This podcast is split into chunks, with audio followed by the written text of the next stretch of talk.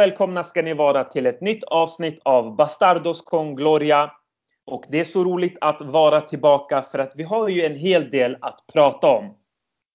Eh, senast vi pratade så var Bergar på resande fot. Eh, och eh, Bergar, hur står det till med dig? Välkommen hit! Tack så mycket! Det är bra med mig. Eh, nu är jag tillbaka i det vanliga livet så att säga. Så att, ja. Ja, en hel del förändrades det ju där från avsnitt 56 till som vi är nu på, då, på avsnitt 57. Eh, Barcelona slog Real Madrid och eh, Ajax också, men du var ju på plats. Förutom eh, de här två resultaten, eh, vad kan du berätta om din fina resa ändå?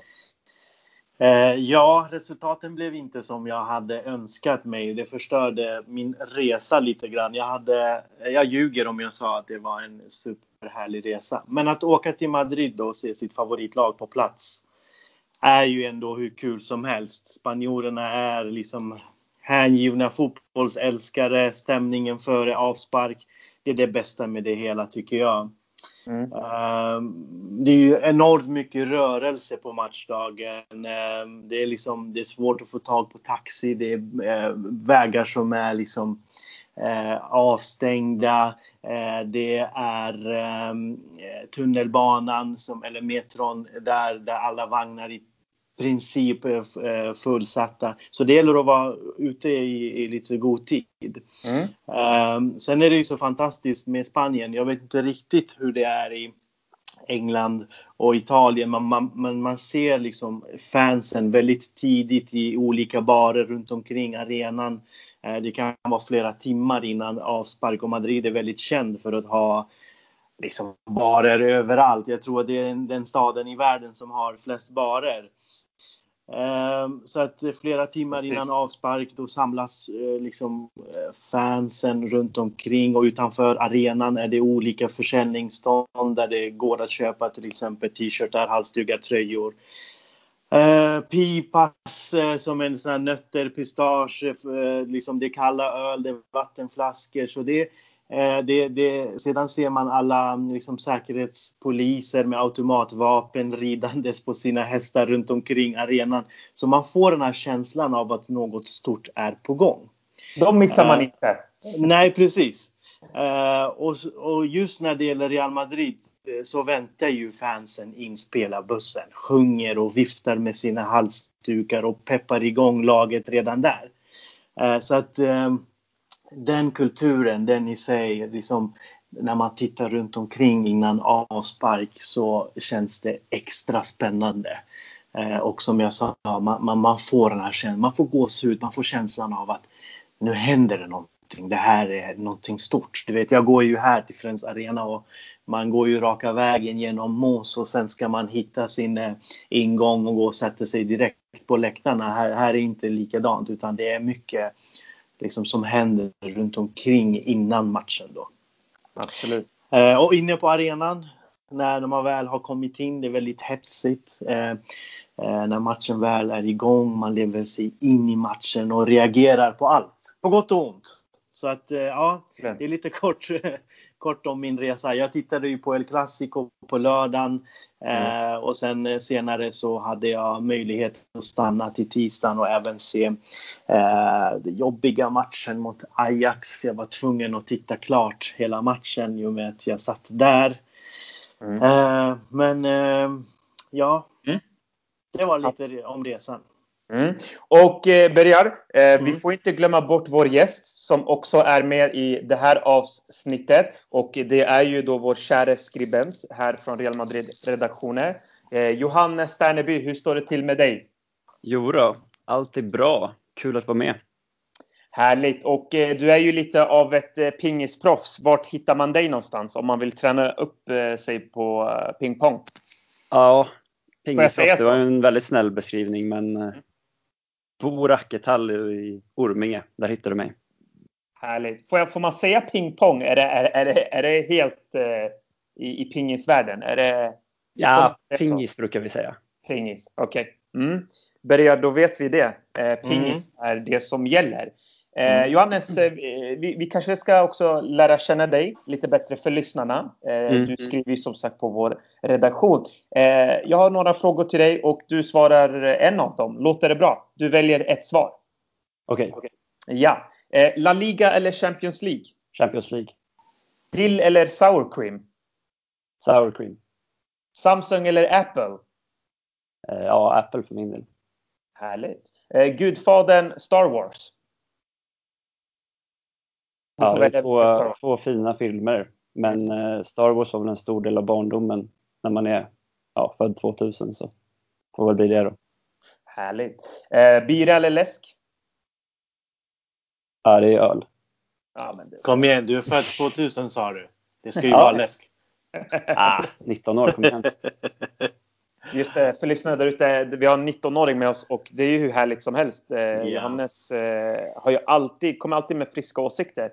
Eh, Mourinho eller Capello? Uff. Mm, den var svår. Ja, får väl ändå bli den som var bäst var ju Mourinho, men sättet han lämnade på var inte så snyggt så får väl säga Capello ändå då. Ja, trevligt. Ja. Eh, Sportbladet eller Expressen? Ja, det kvittar. Okej. Okay. Eh, Nike, Adidas? Nike. Nike. Eh, sommar eller vinter? Sommar. Ja, men så ja. Härligt. Och eh, sist men inte minst Johannes, har du någon talang som lyssnarna behöver känna till? Eh, ja, att babbla på väldigt mycket kanske. Ja, men det är strålande. Perfekt. Och det är det exakt vi ska göra här. Eh, väldigt kul att eh, ha dig här Johannes. Eh, Bergar, vad tycker du om hans eh, svar? Eh, ja, alltså talang. Jag trodde han skulle säga pingis. Mm, det trodde jag också. Eh, så att jag är lite besviken där i och med att du beskrev som pingisproffs. Jag tänkte sedan jag redan sagt den. sedan Johannes, du är 19 år. Du, du, du passar in i Real Madrids värvningspolicy just nu. Så att, eh, det är jättebra att du är med oss. Du är rätt ålder. Det är precis, det är precis där vi vill vara just nu. Så att det är 19-20-åringar vi är ute efter. Perfekt. Du är välkommen. Ja, det låter trevligt. Yes, och med det så går vi in rakt på sak grabbar. Eh, är ni redo? Såklart att Yes. Eh, vi måste ju prata om eh, anledningen till varför den här säsongen ser ut som den gör. Det är väl en hel del som undrar. Eh, Lopetegui får sparken, Solari får sparken eh, och vi vet ju att Zidane är tränare för Real Madrid. Vi ska komma in på det såklart. Eh, Johannes, eh, tycker vi startar med dig, eh, gästen. Har du, kan du peka på några punkter? Du behöver inte nämna allt såklart, men har du några punkter som du kan eh, peka på till varför den här säsongen har gått som den har gjort? Mm. Ja, det kändes väl som att den första och kanske den som har kommit att spegla säsongen mest, det var väl det att spelarnas form efter VM-slutspelet var ju, ja, framförallt på nyckelspelarna, oerhört dålig. Vilket gjorde Lopeteguis jobb ganska svårt. Ja. Och då hamnade vi liksom i någon negativ spiral som ja, till slut ledde att det blev en ohanterbar situation och vi fick slänga in Solari som var en riktig panikaktion. Mm. Vilka spelare tänker du främst på eh, när du säger att eh, det var vissa spelare från VM som inte kunde komma upp i flås i Real Madrid? Ja, Nej men Modric är väl en som nu på, på sista tiden har börjat spela betydligt bättre igen men i början av säsongen så, ja delvis så spelade han väl inte ens från start men, men när han väl kom in så var han inte så himla lysande som vi har blivit vana vid heller så mm. det var väl den viktigaste spelaren dessutom kanske som inte var i fas. Verkligen. Eh, kan du peka på några andra punkter som du ser som har gjort så att säsongen ser ut som den gör? Man är ute i princip eh, i alla turneringar, eller det är man turneringar, men jag menar La Liga är ju ganska långt ifrån nu. Ja. Nej, men jag tänker väl att när vi sålde Ronaldo förra sommaren så, så hade det nog behövts en ersättare där för att även om vi liksom har anfallare som kan spela ganska bra fotboll så känns det som att vi inte riktigt har den där killen som går in och, och dödar matcherna när man har spelövertaget. Så det blir mycket att vi har spelövertag men inte får ut något av det så kommer de andra att få två chanser och göra två mål. Liksom. Absolut. Eh, nu har ju eh, målproduktionen fördelats då en, en, del då mellan Benzema och Bale och lite andra spelare i laget som skulle också träda fram. Eh, känner du att det, det, är någon spelare eller några spelare, om, man, om vi pratar offensiv väg, som har svikit lite det, det, det man trodde på? Delvis så var det väl många som hade stora förhoppningar om Bale inför säsongen. Han har ju ändå, framförallt när han inte har spelat med Ronaldo, kanske i viss mån åtminstone axlat någon slags ledarroll tidigare säsonger och ja. gjort en del mål då. då. Eh, men i år har han ju inte alls presterat på den nivån och har ju med all rätt blivit bänkad. Och jag misstänker väl att om han inte hade varit, varit en PRS-värvning så kanske han inte ens hade varit kvar i klubben inför säsongen. Men nu fick han den här chansen att bli lagets ledare och, och inte lyckades ta den helt enkelt. Mm. Eh, två spelare jag tänker till på, eh, Isco Asensio. Ha, mm. har, hade du några förväntningar på de två spelarna? Framförallt med när Lopetegui kom in som ju haft en bra relation så vitt vi vet i alla fall med de två i spanska landslaget. Precis. Eh, mm. Eh, och Isco har ju alltid haft den här potentialen i sig men inte liksom eh, tagit sista steget då. Och då hoppades man väl kanske att Lopetegui skulle kunna bli den som fick verkligen ut max av Isco. Eh, men istället så, ja, fick han inte alls ut det man trodde och, mm. och uh, det blev väl hans fall lite också till slut. Mm. Eh, jag tänker på, du nämner en hel del Lopetegui och han eh, kom in ju in som en eh, överraskning, lite av en överraskning ändå. Eh, inte många kanske som förväntade sig att det skulle bli Lopetegui efter Zidane, men det blev det. Sett till statistiken så såg det ändå ganska bra ut. Förutom att målen inte kom till då. Tittar man på försvarsspelet så var det Real Madrid som hade flest bollar i straffområdet. Där motståndarna hade minst bollar alltså i Real Madrids straffområde. Och man skapade väldigt många chanser. Jag tror man var nästan på toppen även där. Men det minner inte ut riktigt i någonting. Tycker du att eh, eh, Perez och ledningen borde ha haft lite större tålamod med Lopetegui nu i efterhand? Eller vad, vad känner du kring det? Jag tror inte att man ska säga att bara för att det var kanske fel att anställa Solari så var det inte fel att sparka Lopetegui. Jag tyckte väl att spelet såg väl, ja, såg okej okay ut och bra till en början kanske, men sen så kändes det väl som att det blev en ohållbar situation i omklädningsrummet där. Eh, och det var väl, ja, även om, om det kanske inte var rätt beslut att sparka honom med tanke på, på vem som kom in så skulle jag inte heller säga att det var fel beslut. Mm. Mm. Så, alltså, det, det, är många, det är många där som kanske inte skulle hålla med eller många och många, men Eh, det är kul att du tycker att eh, Lopetegui, att han ändå inte, eller kul, jag menar att det är intressant att du eh, lyfter fram ett annat perspektiv eh, kring det hela. Eh, tycker du, om Lopetegui blev sparkad, tycker du det var rätt då att Solari var nästa man eller tycker du att man borde ha agerat annorlunda där och då? Ja men det var väl just det som var, som var liksom grejen att det var inte nödvändigtvis fel att sparka Lopetegui men det kanske inte var helt rätt att anställa Solari. Å andra sidan så vet vi inte vad man hade för alternativ. Vi har hört i, bara ifrån media, liksom, vi kan ju bara gissa, men att, att spelarna ska ha opponerat sig mot att ta in Conte. Liksom. Mm. Och om man hade försökt hinna honom ändå, då hade vi förmodligen inte heller fått en särskilt bra situation. Mm. Mm. Så uh, jag tror det är svårt att säga i efterhand vad som var rätt, rätt och fel i hela den här härvan, men känslan i alla fall att, att eh, det var inte fel att sparka honom. Nej, nej. Nej, men eh, intressanta eh, perspektiv du lyfter fram. Eh, Johannes, eh, vill du dela med dig någonting mer kring den här eh, punkten, ämnet? Nej, jag känner mig väl ganska mm. färdig där. Härligt. Eh, Bergar kan komma med något. Mm, precis, jag tänkte fråga eh, Bergar som eh, såklart eh, är med oss också. Bergar, eh, du hör vad Johannes säger. Eh, man, han tycker inte att det var så kanske fel att sparka Lopetegui utan alternativen kanske också var lite skrala efter Lopetegui. Men eh, man borde kanske ha hämtat in eh, någon annan än Solari. Eh, såg du något annat? Har du fler anledningar till varför det kan ha gått dåligt för Real Madrid den här säsongen då? Förutom det Johannes har sagt. Nej, men jag håller med det Johannes har sagt. Det var Modric, det var Varann, det var det ena och det andra som inte levererade. Men samtidigt så tycker jag ändå, jag har sagt det hela säsongen, nu har, nu har vi ju liksom Real Madrids säsong är över tre månader tidigare än vad den bör. Men jag tycker inte att vi har en så dålig trupp att den bör vara över redan nu. Eh, så att jag tycker att eh, oavsett Lopetegi eller Solari, vem som än var tränare under den här tiden.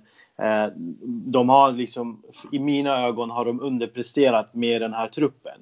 Sen har jag förståelse för att vissa var, liksom, kom sent tillbaka efter VM och så vidare. Men som tränare så ska du kunna se vad du har och arbeta utifrån det. Det, det är min mening. Mm. Och jag tycker att har man en Modric som är trött, har man en Varann som är trött, ja men då får man hitta andra lösningar och försöka eh, liksom eh, stoppa blödningen på något sätt där. Och Lopetegi lyckades så småningom i början de första tre, fyra matcherna. Eh, visserligen så förlorade han i Supercupfinalen mot Atletico också. Eh, men sen så kändes det så kom, eh, så kom säsongens första förlust i ligan mot Sevilla. Eh, och den här blödningen blev bara mer och mer och han kunde inte få stopp på det. Och någonstans så kände man också att han hade tappat omklädningsrummet lite grann. Men trots allt det där med, med, med liksom facit i hand nu när vi ändå är ute tre månader tidigare än vanligt eller vad vi bör. Eh, så ja. tycker jag ändå att det var onödigt att ta in Solari.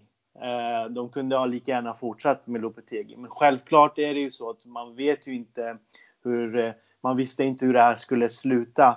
För att tittar vi till exempel på Solari för cirka en månad sedan då levde han i kuppen i semifinal. Då var han sex poäng efter i ligan och ligan levde. Han hade vunnit mot Ajax borta också så att han lyckades ju ändå komma in och tillföra någonting. Eh, tyvärr så blev det ju mycket djupare med Bale och Isco och Marcelo och de här stora stjärnorna som han skulle behöva lite längre fram nu när de stora matcherna ska avgöras. Och det var ju där felet var. Mm. Men när vi ändå inte vann någonting så kände jag ändå att ja, men då kunde Lopetegi lika gärna fått fortsatt. Eh, man vet inte vad som hade hänt, men det kunde inte ha blivit värre än vad det är nu. Vi är liksom ute i samtliga turneringar redan i mars. Mm. Eh, så det, det, är så jag känner. Eh, sedan så eh, tycker jag ändå att eh, eh, många spelare underpresterar eller har underpresterat den här säsongen. Eh, bortsett, bortsett ifrån att vi inte kunde ersätta Cristiano. Vi, ni har varit inne på Bale, Asensio, Isco och så vidare. Så att eh, ja, en mm. ledare ska kunna få ut maximalt av det här den här truppen som han har. Det är många som säger så här. Hade, hade Lupetegi fått en Ronaldo eh, och en till spelare, då hade han lyckats. Ja, men det, det hade min eh, mormor också. Eh, så att det, handlar, det handlar inte om det, utan jag skulle vilja se en tränare bara ta över den här truppen. Så som Zidane gör nu. Han mm. försöker hitta glädje, han försöker göra det bästa av situationen. Det är lite så. Mm. Så vi får se. Mm. Eh, intressant eh, och eh, jag delar såklart eh, era uppfattningar. Jag tycker också att eh, det började väldigt segt och eh, man fick aldrig kontroll på det hela och det blev hela tiden en uppförsbacke. Det, det var så det blev någonstans. Och sen måste man också poängtera det du säger Berger såklart att tränare har, har ju ett ansvar och ibland måste man se vad man har att jobba med och det känns som att både Lopetegui och Solari gick lite på samma smäll. Mm. Intressant killar. Vi går vidare eh, och vi ska ju såklart prata om the man, the mister, uh, the Champions League, the Zinedine Zidane. Uh, återkomsten till Real Madrid. Uh, Zinedine Zidane kommer tillbaka och han är så välkommen såklart. Men det ska bli intressant att höra vad ni tycker. Bergar, Zidane är nu tillbaka och eh, vi har ju eh, eh en hel del positiva ehm, eh, fans som tycker att det är väldigt bra att Zidane är tillbaka och det tycker även du såklart, eh, tror jag. Eh, prata lite om det som är positivt med att han är tillbaka och finns det kanske någonting som är mindre bra med att han är tillbaka? Eh, eller finns det någonting som man kan vara rädd för? Mm. Eh, först och främst, jag vill ju dela den här glädjen nu, nu när du säger Zidane är tillbaka och Champions League och det ena och det andra. För mig kändes det som om vi vann Champions League eh, när han eh, officiellt blev klar igen och kom tillbaka och det efter 200, var det 284 dagar. Precis. Eh, så eh, är han tillbaka äntligen. Det är väldigt positivt. Det ger hopp, det ger spänning, det ger entusiasm, det ger optimism inför nästa säsong. Um, vi alla fansen, vi, vi liksom förhoppningsvis förväntar vi oss att han ska få igång spelare som Varan, Ramos, Marcelo, Casemiro, Kroos, Modric. Isco Benzema och genom liksom sina rotationer ge även plats åt de yngre i truppen. Ehm, så att eh, det är väldigt härligt. Det är jätteskönt att Zinedine Zidane är tillbaka. En man som kan klubben, en man som är synonym med Real Madrid, en man som har Real Madrids DNA. Eh, faktiskt så sa han ju senast när han lämnade i maj eh, förra säsongen då att jag skulle inte säga adjö utan jag säger vi kanske ses senare. Så sa han. Mm. Så det är härligt att han är tillbaka. Verkligen. Ja, det finns ingen garanti på hur detta ska sluta. Så det är inte så att nu är Zidane tillbaka, nu vinner vi tre Champions League igen, eh, nu kommer vi vinna allt och det kommer vara liksom tipptopp. Det, finns, så det finns ingen garanti. Zidane, eh, det, det, som lugnar ner mig är att Zidane hade inte kommit tillbaka om han inte kände att han kan vinna igen. För att eh, när man lyssnar till den här presskonferensen när han lämnade så, eh, så kände han att det behövdes förändringar. Han gillar inte att förlora. Eh, men nu älskar han ju klubben så pass mycket. Han älskar presidenten så pass mycket att han är tillbaka och presidenten och klubben älskar honom så pass mycket att man ger honom en chans till, att man verkligen satsar på honom igen. Så att Absolut. det som lugnar ner mig är att hade han inte känt att han kan komma in och förändra och vinna igen så hade han inte kommit tillbaka. Och Zidane är faktiskt en tränare som prioriterar ligan. Fast han har vunnit tre Champions League, han vann ju en La Liga också. Och det påpekade han eh, väldigt ofta eh, under sina presskonferenser att eh, ja, eh, vi, vi har vunnit Champions League men jag har förlorat ligan och ligan är viktig och eh, kontinuitet är viktig eh, för Real Madrid och så vidare. Eh, så ja, så känns det. Det som har varit emot Zidane Uh, det negativa är ju att han har, en, han har inte en specifik spelstil um, som laget kan luta sig mot och gå tillbaka till. Till exempel som Pep Guardiola har, eller som Sarri, eller som Mourinho med sin defensiva kontring, eller Simeone likadan. Samma sak med Allegri och så vidare. Utan. Zidane blandar ju eh, flera stilar. Han kan anpassa sig till eh, olika motstånd. Vi har ju sett Zidane möta Barca och verkligen gå för det och pressa. Vi har sett Zidane backa hem till exempel mot ett Bayern München och liksom stå på kontringar. Eh, så att eh, eh, han är ju väldigt stark taktisk. Han, är, han, han, han brukar få ut det bästa ur, eh, ur eh, liksom alla spelare. Men som sagt, den här spelstilen eh, det har liksom varit någonting som många har reagerat på. För att man har inte riktigt sett vad är Zidans styrkor? Eh, var, varför, eh, går det, varför gick det som det gick för Real Madrid och så vidare. Sen får vi inte heller glömma att när han lämnade så var han 17 poäng bakom Barca-ledarna i La Liga. Han var låg mm, tvåa. Uh, så att uh, han har ju egentligen inte så mycket att förlora nu när han kommer in. Ehm, jag nämnde också att vissa tränare pratar liksom oändligt om vad de har vunnit. Ehm, men Zidane har ofta nämnt liksom att ja, vi vann Champions League, det är okej, okay, men vi förlorade ligan. Eh, sa han förra året bland annat eh, innan han lämnade och under hela våren och så vidare. Så hans an ankomst, det sätter liksom eld i alla. Eh, och dessa misslyckanden den här säsongen då, eh, det kommer inte vara hans. Mm. Men, men om, om det är så att det blir en framgång och han lyckas sluta tvåa och liksom närma sig toppen, eh, då blir ju framgången eh, hans. Eh, mer än någonsin tidigare. Så att eh, det är ändå skönt att få komma in nu också eh, och inte ha så mycket press på sig och i lugn och ro liksom bygga eh, det här nya Real Madrid eh, med han som eh, ledare och i spetsen. Mm. Eh, Johannes eh, Berger berättar en hel del om eh, det positiva som eh, Zidane eh, kan eh, bringa till det här laget och han nämner lite också att det kan finnas eh, lite svårigheter med att Zidane är tillbaka. Hur ser du på Zidans återkomst?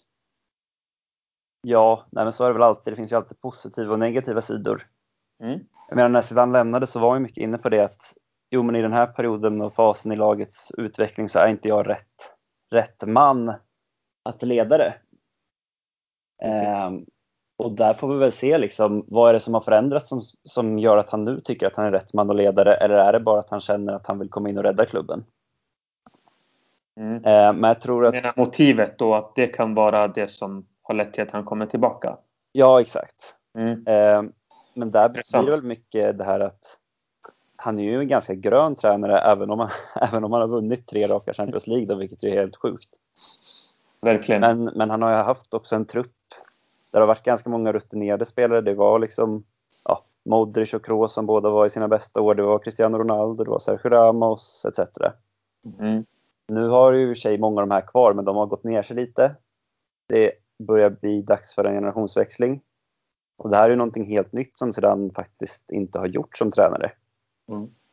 Och samtidigt så vet vi att han har kanske någon slags relation till de här spelarna han har tränat förut. Hur lätt kommer det vara för honom liksom att säga till ja, Marcello eller Modric eller Kroos eller vem det nu är att nej men nu måste du förbättra dig eller så, så räcker du inte till liksom. Verkligen. Ja, ja där nej, finns det väl ett orosmoment kanske. Mm. Nej men intressant eh, att du, att du lyfter fram just eh, att Zidane kanske måste gå igenom en generationsväxling och att eh, det kan bli farligt eh, i och med att han kanske inte har gjort det tidigare och att göra en sån eh, växling är alltid svårt. Eh, jag lyssnade på en intervju med eh, Mourinho från BT Sports och han säger väldigt intressanta saker och en av de sakerna han pratar om det är det här med olika eh, processer att efter en viss tid så måste man som tränare lämna sin position och gå vidare för att det här laget ska fortsätta utvecklas. För även om man vinner mycket eh, så ger det inte några garantier på att det kommer fortsätta vara så. Utan då kanske spelarna behöver något nytt och även tränaren behöver någonting nytt. Eh, så att eh, det är ett intressant perspektiv du lyfter fram, Johannes. Mm. Och, och det, jag vill bara tillägga, och det är ju helt klart det som har hänt den här säsongen. Zidane har fått sin vila. Eh, laget har liksom också haft den här tuffa tiden, vilket var lite, lite ändå oavsett om Ronaldo hade stannat, oavsett om Zidane hade stannat. Vi hade ändå kunnat eh, förutse att det skulle bli en tuff säsong för Real Madrid efter alla framgångar de senaste fyra fem åren. Så att eh, eh, nu känns det också som, som om spelarna Eh, Eh, den, inför den här säsongen hade de ingenting att bevisa. Men nu till nästa säsong så har de allt att bevisa. Nu måste de visa att de lever fortfarande. Nu måste de bevisa att, nu måste Sergio Ramos visa att han fortfarande är världens bästa eh, mittback. Nu måste Modric visa att han är liksom, han håller fortfarande en hög nivå. Eh, som Isko också var inne på i en intervju ganska nyligen vi vill det här, vi brinner för det här. Vi ska visa alla att vi kan det här och vill komma tillbaka eh, och vi vet vad Real Madrid innebär. Så att nu har ju Zidane en liten enklare liksom, jobb att komma in och motivera de här spelarna när det väl har gått så här dåligt. Han hade inte haft samma möjligheter att göra det under våren eh, under hösten menar jag och under den här säsongen överhuvudtaget. I och med allt som, alla framgångar som de har liksom varit med om. Men nu känns det som att de har nått botten, nu ska vi upp igen. Och eh, eh, det är lite ändå coolt av Zidane att eh, ändå eh, komma in och vilja ta över en Real Madrid som ligger redan nere i botten. Eh, mm. Många säger att han har inte så mycket att förlora, det är därför han kommer in. Ja, så är det. Eh, men samtidigt är det ju ett lag som kanske inte många vill ta över när de ligger där de gör. Eh, vi såg ju Lopetegi, det gick dåligt för honom. Vi såg ju Solari, hur tufft det var för honom. Så det är ju tufft att liksom, eh, lyfta det här mm. laget. Men väldigt intressant Johannes att du är också inne på att nu får vi se en helt annan Zidane där han inte har Cristiano Ronaldo. Vi får se en Zidane där han inte har Modric i sin prime time eller eh, Kroos eller eh, Sergio Ramos också. Så att, eh, intressant, väldigt intressant. Eh, det är en ny, ny stadie i hans karriär. Mm. Härligt killar! Eh, och jag vill ju såklart också eh, berömma eh, Sedans återkomst. Eh, och eh, jag eh, belyser ju såklart det här då att eh, han kommer i en väldigt tuff tid. Eh, och eh, hans kärlek för klubben, det berör verkligen som Real Madrid-supporter. Och man hoppas ju verkligen innerligt att det ska gå bra för Mr Sisu. vi går vidare om ni inte har något mer att tillägga. Nej, kör. Mm. Eh, vi ska gå in på lite eh, vad vi, vilka... Sidan har ju en hel del att jobb, jobba med. Eh, det vet vi. Eh, men eh, det har ju klagats en hel del på truppen. Eh, att det behövs lite förändringar och eh, att det behövs lite spelarköp. Eh, och eh, ryktet var ju då någonstans att när Sidan lämnade så fick han inte av Perez Eh, den friheten han ville ha lite till spelarköp bland annat. Och nu riktas de då om att han ska få 3,7 miljarder kronor för att köpa spelare. Och den första värvningen är ju redan gjord, Bergar. Eh, Eder Militao från Porto, eh, mittback. Eh, du har ganska bra koll på honom. Vad har du att säga om eh, denna mittback från Porto? Yes, eh, det har ju ryktats väldigt länge om eh, Eder Militao, 21 år. Han har gjort stor succé i Porto den här säsongen. Mm. Och eh, han har ju ryktats till en rad storklubbar i Europa. Men nu är det officiellt. Real Madrid har vunnit kampen. Det blir Zidans första värvning och han anländer i sommar. Militao, han har gjort debut i Brasiliens landslag. Han gjorde det i höstas. Eh, han kan spela till höger i backlinjen, eh, vilket jag eh, inte har sett så ofta den här säsongen fram tills nu i januari när Porto plockade in vår gamla Pepe och då har eh, Militao fått flytta ut till höger. Men han trivs som bäst som mittback och eh, han är en spelfördelande mittback eh, som jag skulle säga är väldigt snabb, stark, han är följsam, påminner väldigt mycket om Pepe. Eh, förstås Pepe i sina bästa dagar när han hade huvudet eh, mellan axlarna då. Eh, så att en väldigt spännande värvning tillsammans med Delict eh, tycker jag är en av de två största mittbackstalangerna i Europa just nu. Eh, eh, och intressant att Real Madrid vinner ännu en kamp om en brasilianare. Och ja, kan inte säga an honom. Och det är verkligen en position mm. som Real Madrid behövde förstärka.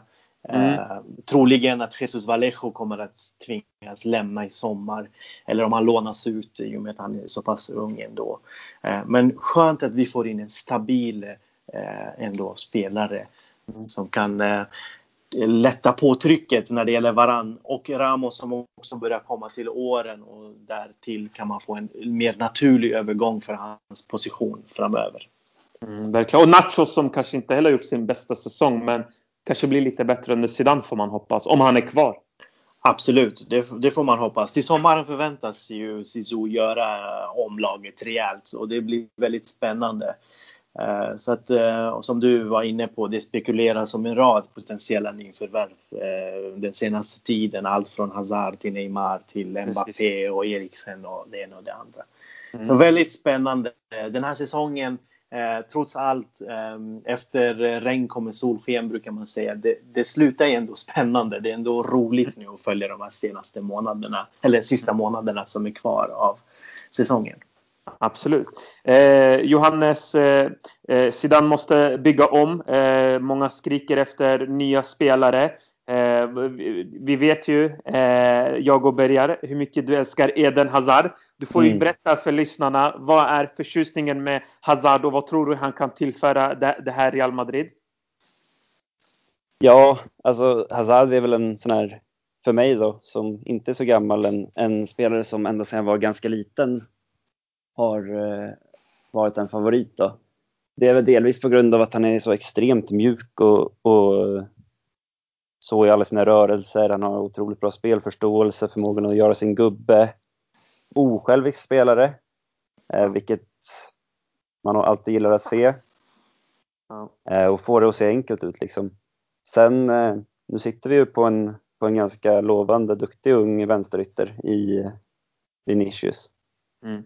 Och en till i Rodrigo. Just det. Mm. Så, ja, det är klurigt tror, där. Tror du att, Real, tror du att Zidane eh, kommer gå för Hazard? Tror du det finns en bra connection mellan de två?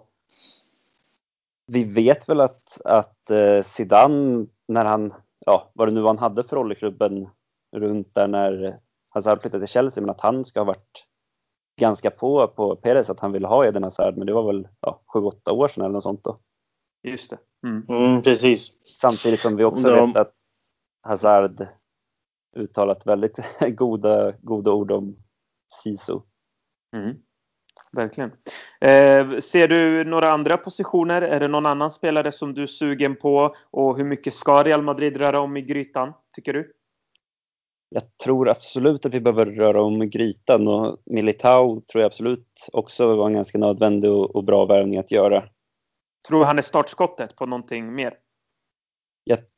Ja, det får vi väl hoppas. Eh, vi måste väl nästan ha en till anfallare känns det som. Vem tycker du passar, eh, eh vem skulle passa bra i en sån roll i Real Madrid? Tillsammans med Benzema kunna göra det? Ja, men det har blivit inför liksom, eller inför, men, men efter halva säsongen eller vad det kan ha varit när Benzema var sådär brutalt iskall. Innan han bröt eh, fingrarna och började spela som en kung helt plötsligt. Vi bryter handen på honom nästa år. Ja, det får bli sommarens transfervärvning då. Nej ja. men, men ja, bryta handen på honom. Mm. Det gjorde väl liksom grejen svårare. Innan kändes det ganska givet att man skulle ha in någon som skulle bli garanterad startspelare där. Mm. Medan nu så är det lite klurigare för att jag tror inte att bara man stoppar in en Icardi eller vem det nu skulle vara så kommer han prestera bättre än Benzema. Det är jag inte helt säker på. Nej. Eh, så där vill man ju samtidigt inte hamna i den situationen vi haft den här säsongen att liksom ja, Benzema har behövt spela varje match för att tränaren inte haft något förtroende för, för Mariano och så har de varit skadade så är det också i och för sig då, men mm. det är svårt. Vi har ju hört mycket gott om eh, Jovic från Frankfurt. Just det. Mm. Eh, som vi ju också har gjort en del transfers med förr. Vi har ju Omar Mascarell. Vi hade ju Jesus Vallejo där på lån. Verkligen. Någon slags relation har vi till klubben. Mm. Men Barcelona verkar vara ganska heta på honom också. Ja, precis. Precis som de var på Militao. eh, ja, men kul! Eh, du nämner Hazard, du nämner lite eh, anfallsspelare och eh, att det finns kanske en risk att eh, eh den som kommer in inte levererar och eh, Zidane har ju ändå Mariano trots allt. Mm. Men mittfältet då? Eh, du har ju pratat du och jag en del om mittfältet. Finns det någon gubbe där som du känner behövs, eh, man behöver fylla ut den gubbens skor så att säga? Jag tycker det, det är väl ganska svårt för jag tror att vi måste se lite vad som händer med, med spelarnas form nu när Zidane har kommit in. För att känslan var väl att, att eh, det gjorde inte spelarna jättegott kanske med Solari som tränare där på mittfältet. Det blev ganska otydligt vad de skulle hålla på med egentligen. Verkligen. Eh, och där jag menar, om Modric och Toni Kroos spelar så bra som vi vet att de kan göra, då är det inte så lätt att gå in på det här mittfältet. Nej, just det. Mm. Tror du Modric håller under en hel säsong? Ja, jag tror att han måste nog få ganska mycket vila. Mm. Eh, och där, ja, Ceballos och Zidane hade inte den bästa Nej, relationen vad det verkade i alla fall, även om de inte har sagt något, något illa om varandra sådär så jag mm. menar hur många minuter fick Ceballos med Zidane? Det kan inte ha varit många. Mm. Eh, så det, men jag själv är ju ganska eh, het på vår eh, gode norrman Martin Ödegård. Just det. Jag tycker det är otroligt skicklig spelare. Absolut. Jag, Imponerat. Ja, jag har kollat väldigt mycket på honom den här säsongen. Och jag, ja, vad tycker du då, för lyssnarna som inte vet? Ja, men jag tycker att han har en otroligt eh, bra känsla för spelet. Mm. Han känns som en sån här spelare som du kan stoppa in i nästan vilket lag som helst och han kommer kunna göra sin grej och göra det bra. Eh, så jag tror att hans spelintelligens skulle vara en ganska stor tillgång. Sen har han väl, ja, han är ju, spelar ju som ytter mycket i Vitesse där han håller till i holländska ligan. Mm. Um, men han har spelat några matcher på centralt mittfält och gjort det väldigt bra. Mm. Så Precis. jag ser att det skulle nog kunna vara en framtida position för honom. Härligt. Mm, absolut. Eh, börjar eh, Johannes nämner Ödegaard och eh, han nämner lite om Modric och anfallet och så. Eh, hur mycket tycker du eh, man ska röra om i grytan? Eh, inte så jättemycket, för jag har ju förhoppning om att Zidane ändå ska kunna få igång de här spelarna som jag nämnde tidigare. Mm. Och får vi igång de här så har vi också ett gäng unga spelare i Llorente, i Militao nu, i Reguilon, Odriozola. Eh, vi har Ceballos, Valverde, vi har eh, också en Isco Asensio som eh, bör liksom steppa upp eh, och liksom ta nästa steg. Så att en spelare som Modric behöver, kommer att behöva sin vila, kommer inte kunna klara av en hel säsong. Men däremot så kommer han vara oerhört viktig i de här stora matcherna. Eh, och det har Zidane ändå tidigare visat med Ronaldo och med andra spelare att han kan rotera och ändå få ut det bästa av eh, materialet och rotationen. Eh, och vila de här stora stjärnorna. Så att jag är inte för för mycket förändringar. Det ska ske förändringar. Jag håller med om att vi behöver en anfallare till. Eh, Finns det någon med. du är sugen på? Alltså, så här, har du några spelare som du tycker kan passa bra i Real Madrid? Det finns bara en spelare som jag vill ha offensivt och det är Kylian Mbappé. Och för mig är det där, det är en spelare som Real Madrid, Perez, José Ángel Sanchez, Butragenio, eh, till och med bollkallarna. Alla ska skrika efter Mbappé. Mm. Eh, för att eh, det, det, är en spelare som skulle passa så jäkla bra i Real Madrid. Det är en spelare Verkligen. som passar in i policyn, han är ung, han är explosiv. Det är exakt den typen av anfallare som Real Madrid saknar. Eh, så att honom skulle jag gärna vilja sätta liksom alla miljoner på om det går. Eh, går det inte, då får man lösa det även den här säsongen och förvänta sig att förhoppningsvis om två säsonger Eh, kunna eh, knyta sig an Kylian Mbappé och eh, ett Alternativ B är ju att kunna värva in Eden Hazard. Vi vet ju hur mycket han älskar klubben. Ni har pratat om det. Vi vet att hans kontrakt går ut 2020. Så att honom kan man få för en billigare peng. Vi vet att Icardi situation i Inter inte är på topp heller. Så det är också ett alternativ. Så Hazard och Icardi nu och vänta in eh, Mbappé till om två säsonger. Eller kan man knyta sig an Mbappé är nu i sommar, då ska man lägga ut alla, vad sa du, 3,7 miljarder som Perez har lagt ut på Mbappé direkt på en gång. Det är ingen tvekan om det. Absolut. Eh, det är min sak. Sen eh, däribland eh, Gareth Bale. Det snackas om att han ska gå, han ska inte gå och så vidare. Hans agent var ute och sa att han, han vill gärna avsluta sin karriär i Real Madrid och han vill stanna kvar och så vidare det är många som vill ha bort honom. Men för min del, om Zidane kan hantera honom så som han hanterade James så som Solari har hanterat Bale och så vidare. Men mm. ändå kunna få ut någonting av honom, kunna liksom matcha honom i större matcher och sådär. Eh, så har jag inga problem om han stannar. Jag, jag tycker det är helt okej. Okay. Eh, men eh, för att nu börjar jag tröttna på det här att hans lön kostar och Real måste släppa honom och Real måste spara pengar och så vidare. Nej, nu måste de handla. Nu, nu, har, det, nu har de nått botten. Så att för att vinna ligan, för att kunna satsa på en trippel under Zinedine Zidane så behöver man ha en så bred trupp som möjligt. Så jag har inget emot om Bale stannar, om Mbappé kommer, om Hazard skulle joina liksom.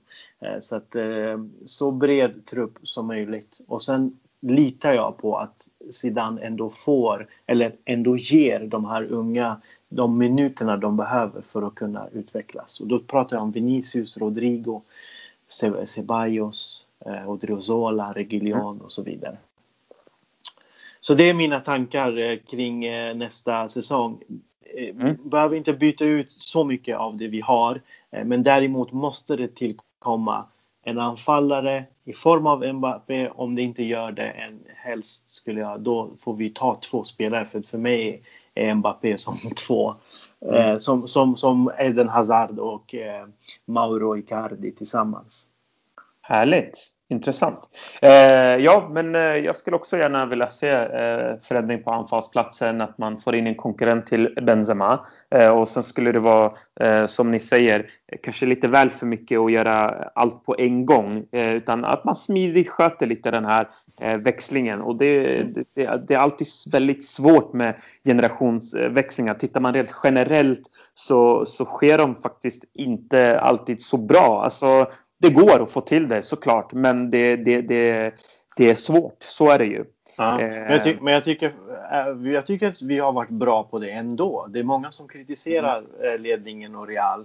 Eh, att, det, att vi ligger efter i värvningar och så vidare. Men som ni hör nu, en Militao och en eh, Mbappé, då är allting löst. Det, finns, det, det, det är ingenting som behöver, eh, liksom, det, det, är ingen, det är ingen stor eh, grej längre. Eh, så det var en, två värvningar som behövdes. Vi får inte heller glömma att eh, Johannes nämnde Ödegaard. Det är en potentiell spelare att ha i truppen. Eh, personligen skulle jag vilja att han lånas ut till en La Liga, ett La Liga-lag så att han får känna på La Liga en säsong också innan han kommer till oss. Vi har spelare som Kovacic som vi inte vet vad som händer. Han kan ju komma tillbaka och verkligen vara jättesugen under Zidane. Igen, det vet vi inte. Vi har en James som vi inte vet vad som händer riktigt med och sådär. Så att eh, vi har ju spelare. Eh, det blir väldigt intressant att se hur Zidane formar hela den här truppen. Eh, och eh, som sagt, en Mbappé hade varit drömmen. Mm, härligt! Eh, och med det sagt grabbar så är vi klara för det här avsnittet. Om ni inte har något mer att tillägga. Johannes, vill du tillägga någonting? Nej, jag tycker det känns bra så. Mm, härligt. Bergar? Annars har jag ingenting annat. Nej. Tack, tack för den här gången. Tack själv. Eh, tack killar för att ni var med. Och eh, jag vill påminna eh, om att ni kan lyssna på den här podcasten via Spotify. Vi har Acast. Vi har iTunes. Ja, som ni hör, alla plattformar. tusen tack för att ni lyssnar. ni är med oss, vi är med er. och svårare än så är det inte. adios mina vänner. Adios.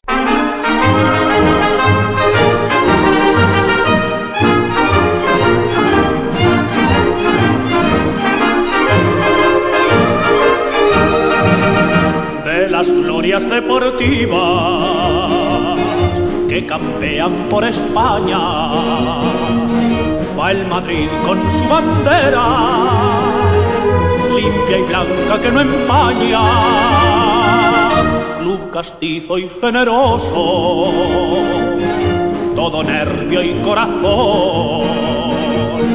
Veteranos y noveles, veteranos y noveles miran siempre sus laureles con respeto y emoción. A la Madrid, a la Madrid, noble y bélico Adalid, caballero del honor. A la Madrid, a la Madrid, a triunfar en buena lid, defendiendo tu color. A la Madrid, a la Madrid, a la Madrid. A la Madrid, a la Madrid. caballero